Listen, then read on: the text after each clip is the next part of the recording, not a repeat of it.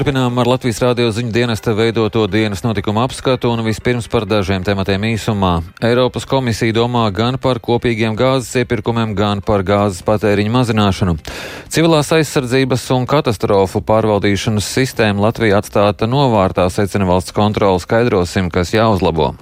Ir ļoti daudz iesaistītie, bet katrs faktiski ir atstāts novārtā, darbojās savā lauciņā, un nav šī koordinācija, nav centrāls šāds pārvaldības sistēmas.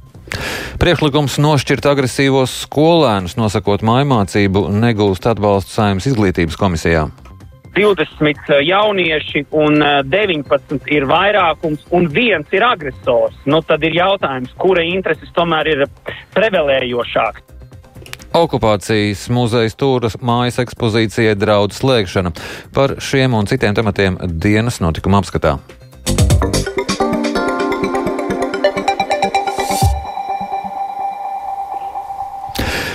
Sagādāt pietiekami daudz gāzes nākamajai apkurses sezonai varētu būt sarežģītāk nekā pat laban. Tādas bažas arvien skaļāk izskana no dažādu Eiropas valstu enerģētikas ministriem. Tādēļ politiķi un eksperti Prāgā turpina meklēt zelta vidusceļu starp mēģinājumiem samazināt gāzes cenas un rūpēm par to, lai gāzes būtu pietiekami. Čehijas galvaspilsētā atrodas arī mūsu korespondents Ārķoms Konohaus. Katrs nākamais solis, lai samazinātu apkuras un elektrības cenas, kļūst arvien sarežģītāks, jo ātrie un vienkāršie risinājumi jau ir izsmelti. Turklāt Eiropas valstis atrodas dažādās situācijās, un līdz ar to tas, kas varētu palīdzēt vienam, otram varētu kaitēt. Tādēļ Eiropas komisija šobrīd galvenokārt strādā pie pasākumiem, kas mazinās patēriņu un veicinās kopīgus gāzes iepirkumus. Savukārt par skaļi pieteiktajiem gāzes cenu griestiem bauda pretrunīgi viedokļi. Ungārijas ārlietu ministrs Pēters Zijārto iebilst pret maksimālās cenas noteikšanu Krievijas gāzei, jo Ungārija turpina to saņemt. You know, Krievija ir skaidri pateikuši, ka gadījumā, ja tiks ieviesti gāzes cenu griesti, viņi pārtrauks piegādes. Tas apdraudēs mūsu piegāžu drošību. Tāpēc ir pašsaprotami, ka mēs to neatbalstīsim. Ideja, ka Eiropas Savienība varētu vienpusēji noteikt gāzes cenu, nepatīk arī Norvēģijas valdībai. Šis Skandināvijas valsts enerģētikas ministrs Terija Oslands dotu priekšroku cenu noteikšanai ilgtermiņa piegāžu līgumos. Norvēģijas valdība neatbalsta gāzes cenu griestus. Mūsuprāt, šo situāciju būtu jāatrisina ar komerciāliem paņēmieniem. Sarunas un diplomātija par risinājumu uzskata arī Austrijas enerģētikas un klimata ministre Leonora Geveslere. Es gribu stingri mudināt Eiropas komisiju spērt vienu loģisku soli, proti sākt runāt ar tādiem mūsu uzticamiem piegādātājiem kā ASV, Norvēģija un Katāra. Šīs valstis var samazināt spiedienu uz piegādēm un cenām. Tādēļ tas ir loģisks pirmais solis, kas būtu jāspēr. Turpretī Latvijas valdība neiebilst pret cenu griestiem, bet, kā atzina ekonomikas ministrijas parlamentārais sekretārs Andris Čuda no Nacionālās apvienības, racionālāk būtu domāt par spēku apvienošanu gāzes iepirkumiem piegāžu drošība varbūt tās uz šo ziemu vairāk nav tik aktuāla, jo, kā jau lielākā daļa valstu ir prezentējušas, tad uh, gāzes krātuves ir piepildīts. Tā skaitā arī mēs, kā, kā Latvija, varam apgalvot, ka uh, mums nav bažas par šo ziemu, bet mums ir lielas bažas par nākošo ziemu un par tām piegādēm, kurām būtu jāsākās pavasarī un kāda būs konkurence starp, starp viņām. Līdz ar to šī kopējā iepirkuma vienošanās jau būtu iespējams uh, reālāks risinājums nekā ultimatīva cenu gadies noteikšana. Vācijas ekonomikas un klimata ministra vietnieks Svens Gīgolds mudina nestrept karstu. Viņa prāt ir jādomā gan par gāzes un elektrības cenu atsaistīšanu, gan par citu tirgus formulu maiņu. Ir saprotama neapmierinātība, kas valda tajos Eiropas reģionos, kur gāzes cena varētu būt zemāka, jo viņiem gāzes pietiek un viņi nevar eksportēt vairāk tādēļ, ka viņu starpsavienojumi ir pilnībā noslogoti. Vācija saprot, ka valstīm, kas eksportē tik daudz gāzes, cik vien ir iespējams, un vienlaikus spēj apmierināt savu pieprasījumu, nevajadzētu maksāt cenas, kas rodas no šī resursa trūkuma. Ir sagaidāms, ka nākamā nākamnedēļ šīs diskusijas kļūs konkrētākas, jo Eiropas komisija nāks klajā ar jauniem priekšlikumiem par gāzes un elektrības cenu samazināšanu. Arčuns Konahals Latvijas Rādio Prāgā. Krievija ir gatava piegādāt Eiropai noslēgtajos līgumos paredzēto dabas gāzes apjomu, ja vien Eiropas Savienības valstis būs gatavas to ņemt pretī. Par to paziņojas Krievijas prezidents Vladimirs Putins, uzrunājot Krievijas enerģijas fórumu dalībniekus. Putins atkārtot uzsvēris, ka, piemēram, gāzes vadi Nord Stream ir izteikti ekonomiski projekti un piegāžu atjaunošana vienlīdz ir atkarīga gan no Krievijas, gan Eiropas partneriem. Pēc Putina vārdiem arī bojātais Nord Stream gāzes vads ir salabojums uzlabojams un piegādes ir iespējams atjaunot.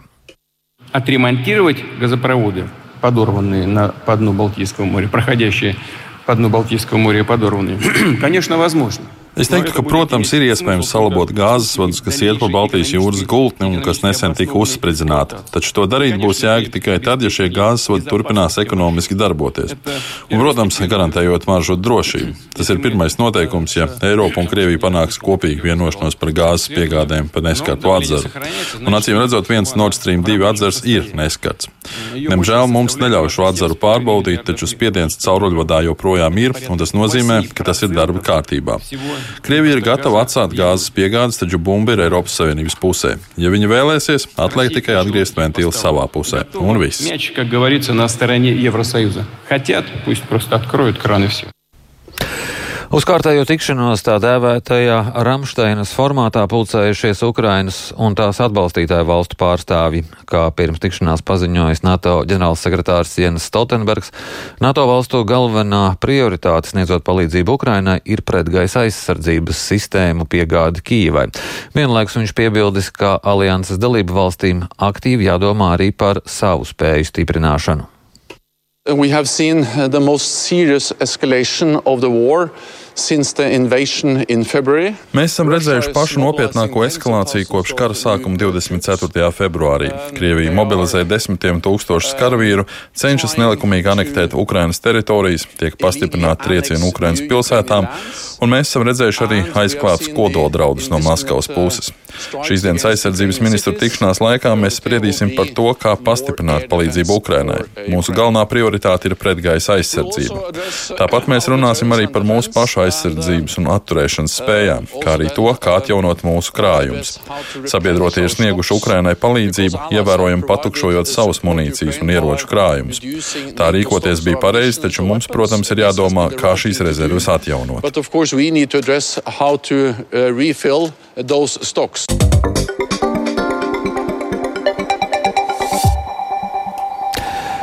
Civilās aizsardzības un katastrofu pārvaldīšanas sistēma Latvijā atstāta novārtā, tā secina valsts kontrole. Pandēmijas krīzes eh, problēmas spilgti izgaismoja. Daudzi piedalās, bet neviens nav atbildīgs.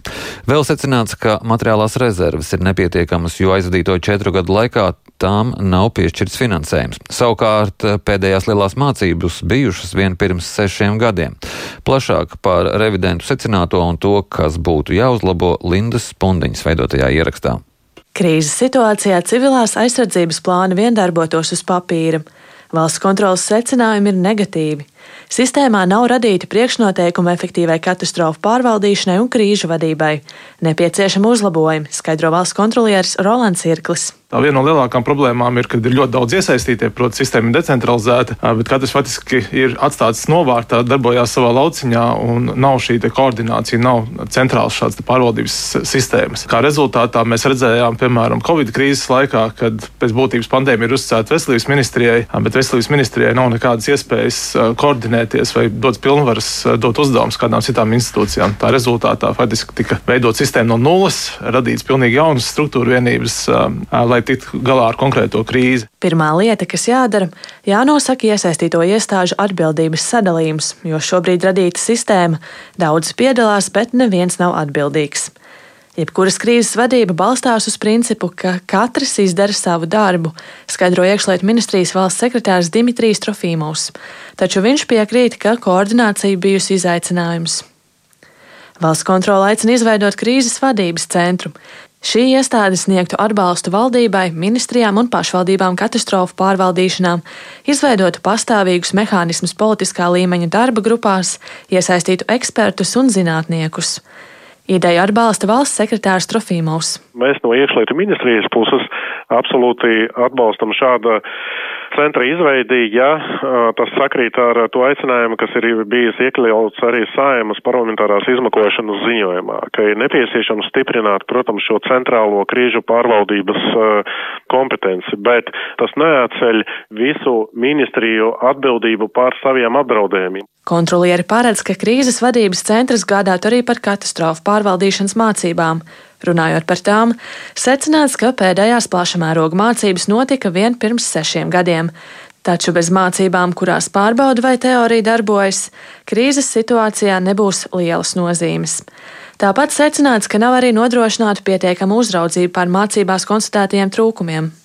Novembrī plāno valsts ugunsdzēsības un glābšanas dienesta organizētas valsts līmeņa mācības, uzmanību pievēršot radiācijas apdraudējumu gatavībai, paskaidro valsts sekretārs valsts līmeņa mācības jāorganizē vienreiz četros gados, un saistībā ar Covid šis termiņš šobrīd bijis garāks, izpalika šīs mācības, bet tas tiek gatavotas nozīmīgu laiku atpakaļ. Tas nav saistīts ar šo te valsts kontrolas revīziju. Bez vērības atstāt arī materiālo rezervju veidošanu. Šai vajadzībai pēdējo četru gadu laikā nav piešķirta nauda. Revidentu ieskatā naudai jābūt kā bāzes finansējumam. Tas nebūtu jāpieprasa kā papildu finansējums. Trofīmovs atzīst, ka materiālās rezerves nebija prioritāte, jo pirmajā vietā ir cilvēku nodrošinājums un viņu algas.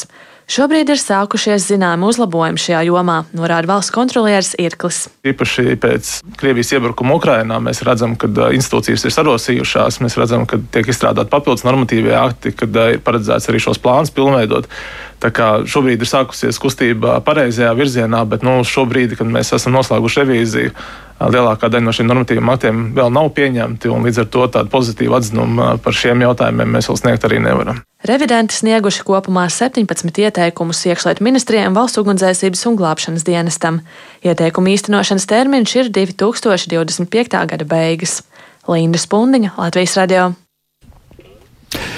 Okupācijas muzeja stūra mājas ekspozīcijai draudz slēgšana. Lai no tā izvairītos, ir jānovērš konstatētie drošības riski. Darbiem nepieciešami simtiem tūkstoši eiro, taču nav zināms, kur naudu ņemam, ņemt. Nama apsaimniekotājs valsts nekustamā īpašuma norāda, ka vispirms ir jāsaprot, kāds ir ēkas tālākais liktenis. Nams ir jāatjauno ieguldot daudzus miljonus eiro. Kā iespējamais variants ir ēku atsavināt, nododot to privātās rokās. Uz šo ideju skeptiski raugās kultūras nozare. Vairāk Viktora Demīdo veidotajā ierakstā. Pirms vairāk nekā simt gadiem celtajā Tetera namā, jeb stūra mājā, kur padomju laikos atradās valsts drošības komiteja, kritiskā stāvoklī ir pārsegumi ēkas pagalmā. Problēmas konstatētas arī ugunsdrošības sistēmā. Neatliekamos darbus ir jāveic līdz 2024. gada 7. maijam. Pretējā gadījumā telpas vajadzēs atstāt ēkas nomniekam Latvijas okupācijas muzejam. Darbiem nepieciešami 700 tūkstoši eiro, bet tā Tādas summas muzeja pārvaldītai biedrībai nav, atzīst okupācijas muzeja direktore Solvita Vība. Mēs veicām šos sīkos nu, remonta darbus, ja tā var teikt, uzturam savas vajadzības, ekspozīciju, bet, protams, par lieliem ieguldījumiem valsts īpašumā mēs, protams, neplānojam. Muzejs aizņem mazāk par 10% no visas sēkas, pārējā daļa ir tukša. Tāpēc pirms veikt steidzamos darbus ir jāsaprot, kāds būs ēkas tālākais liktenis, norāda valsts nekustamo īpašumu vadītājs Renārs Griškevičs, skaidrojot, ka namam tuvāko gadu laikā nepieciešams kapitāls remonts, kas izmaksās 13-14 miljonus eiro. Lai vēsturisko māju atdzīvinātu, valsts izskata iespēju to atsavināt, saglabājot attiecības ar muzeju. Uz uh, noteiktu termiņu, uz vairākiem gadu desmitiem, kas nodrošinātu muzejam prognozējamību, nākotnes attīstību tajā pašā laikā nodrošinātu ēkas piepildījumu. Pārliecinoši lielākajā ēkas daļā varētu parādīties, piemēram, īres dzīvokļi, viesnīca vai kādi citi pakalpojumi. Uz tādu variantu skeptiski raugās Nacionālās kultūras mantojuma pārvaldes vadītājs Juris Dambis. Ja šeit uh, ieliktu tādu funkciju iekšā, kas absolūti neatbilst tam saturam, tās ēkas autentiskums, tā oriģinālā substance, kura liecina, kura dod to stāstu, patiesībā tiktu iznīcināta. Tātad, ja šeit ieliktu biroja funkciju vai kādu lielu veikalu vai pārbūvētu pa dzīvojumu ēku, tad, protams, tā atmiņa vairs pa stūrmāju nebūtu. Vēl ir trīs iespējamie scenāriji. Valsts aizsargājumu objektu iekonservēt pilnībā un gaidīt labākus laikus, kad valsts to varēs atjaunot. Namu var iekonservēt arī daļēji, saglabājot kādas telpas izmantošanai. Šo variantu atbalsta Dambis, pamatojot, ka arī tūkšām telpām ir daudz vēsturisko liecību. Savukārt trešais variants ēku atjaunot daļēji. Griškevičs prognozēja, ka jautājums varētu būt atrisināts tuvākajos mēnešos. Mēs nevaram pieļaut situāciju, ja kādā īpašumā ir zaudējumi. Ja, jāatrod kopsaucējs, kāds tad ir šis nākotnes redzējums un, un kāds ir pielietojams ēkai. Šeit mums nav domstarpību, ka muzejam šeit ir jāpaliek. Jautājums ir par konstrukciju, kādā veidā muzejs šeit saglabā savu darbību un no kurienes šī darbība tiek finansēta. Ja. Savukārt Latvijas okupācijas muzejs iespēju pārvākties pat neizskata, norādot, ka stūra māja apskatāmā ekspozīcija ekspozīcija par čekas vēsturi ir saistīta ar nama vēsturi, tāpēc ierīkot to citā vietā nevarot. Viktors Demidovs, Latvijas radio.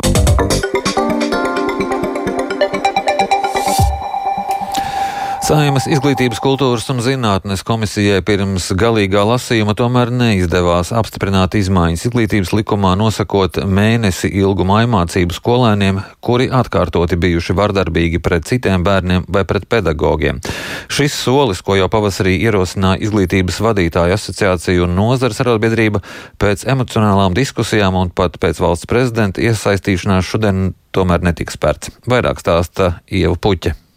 Izglītības likuma grozījums par agresīvu skolēnu nošķiršanu Saimas komisijā sāka virzīt pagājušā mācību gada beigās, un tie jau bija apstiprināti divos lasījumos.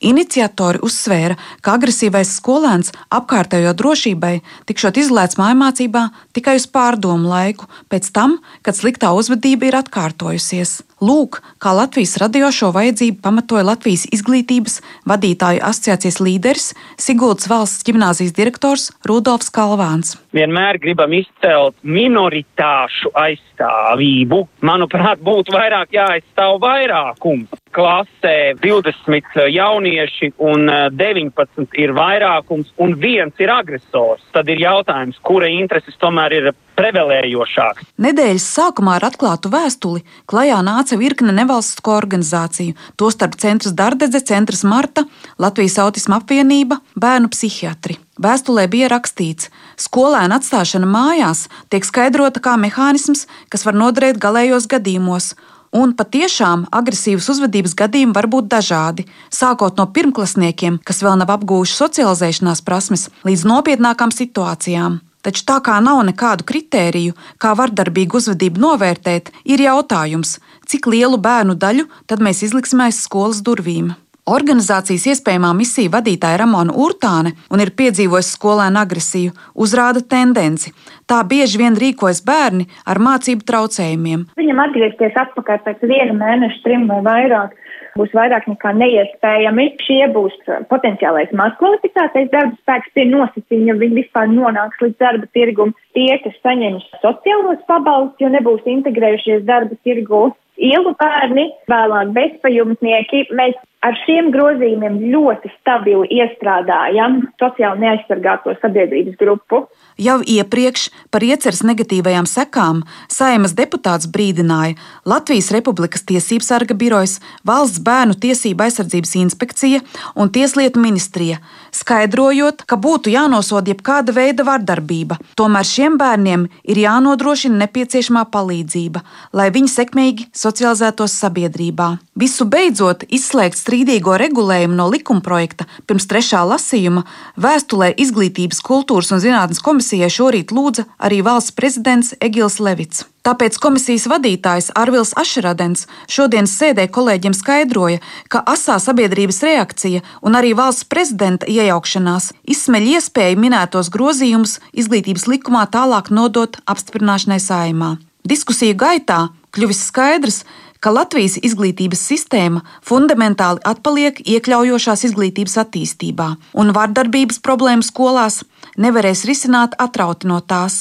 Izglītības un zinātnes ministrijai sadarbībā ar Labklājības un veselības ministriju likumdevēja tālāk paģērēja izstrādāt informatīvo ziņojumu par iekļaujošo izglītību visās izglītības pakāpēs ministru kabinetā iesniegt informatīvo ziņojumu par emocionālās un fiziskās vardarbības izskaušanu izglītības iestādēs un par valsts un pašvaldības institūciju sadarbību, lai izveidotu atbalsta pasākumu sistēmu skolēniem, viņu ģimenēm un pedagogiem. Ieva Puķe, Latvijas Radio.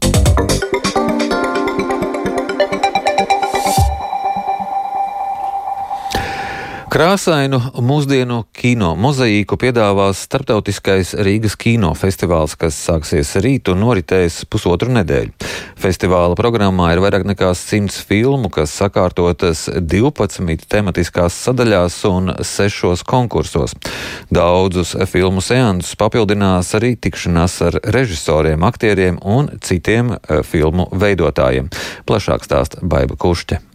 Festivālā būs jauna sadaļa Fokusā Ukraina, kas iekļaus diskusijas, lekciju un filmu programmu, ļaujot iepazīt dažādu laiku Ukrainas kino, arī pašu aktuālāko, kas vēsta par kara atstātajām traumām. Stāsta festivāla radošā direktore Sonora Broka. Filma Tauriņa redze stāsta par krievu karagūstekni, ukrāņu snaiperi, jaunu sievieti, kas atgriežas no gūsta, un viņa ir stāvoklī pēc tātad piedzīvotā šajā gūstā. Tā ir ārkārtīga psihotrauma un arī fizioloģiska trauma. Vai sadzīvot ar to, kā sadzīvot, kā rīkojoties, ir iespēja saglabāt izlīgumu pašam ar sevi. Franču komēdija neticami, bet patiesi vēsta par nemazāk aktuālo vēlmi pēc mūžīgās jaunības. Tāpat arī norvēģu filma Visi ienīst Juhanu ir tāds ļoti tipisks ziemeļu humors ar tādu neveiklības devu. Bet savukārt somu humors, tā ir filma Meža cirtais stāsts par vīru, kurš zaudē savu iepriekšējo darbu un tagad domā, ko viņš varētu darīt tālāk. Un caur šiem sniegājiem meklē to savu iespējamo laimes ceļu. Festivālu atklās Nacionālā pirmizrādes Ignes Baumanes animācijas filmai Mans laulība projekts, kas jau izrādīta festivālos citviet pasaulē un saņēmusi četras godalgas. Sarunā ar kultūras rondo režisori pati filmu raksturoja kā bioloģisko trilleri, kas apdzied iemīlēšanās, precēšanās un šķiršanās ciklu. Tie iespļāva saujās un zobēnus cēla mūsu varenā triecienā uz pusēm šķēla. Filmā skan meiteņu trio Limonāde iedziedātās dziesmas. Signas Baumanas filma Mans laulība projekts rīt atklās Rīgas starptautisko kinofestivālu, kas ilgs līdz 23. oktobrim un kopumā piedāvās vairāk nekā 100 filmu. Baiba Kušķa, Latvijas radio.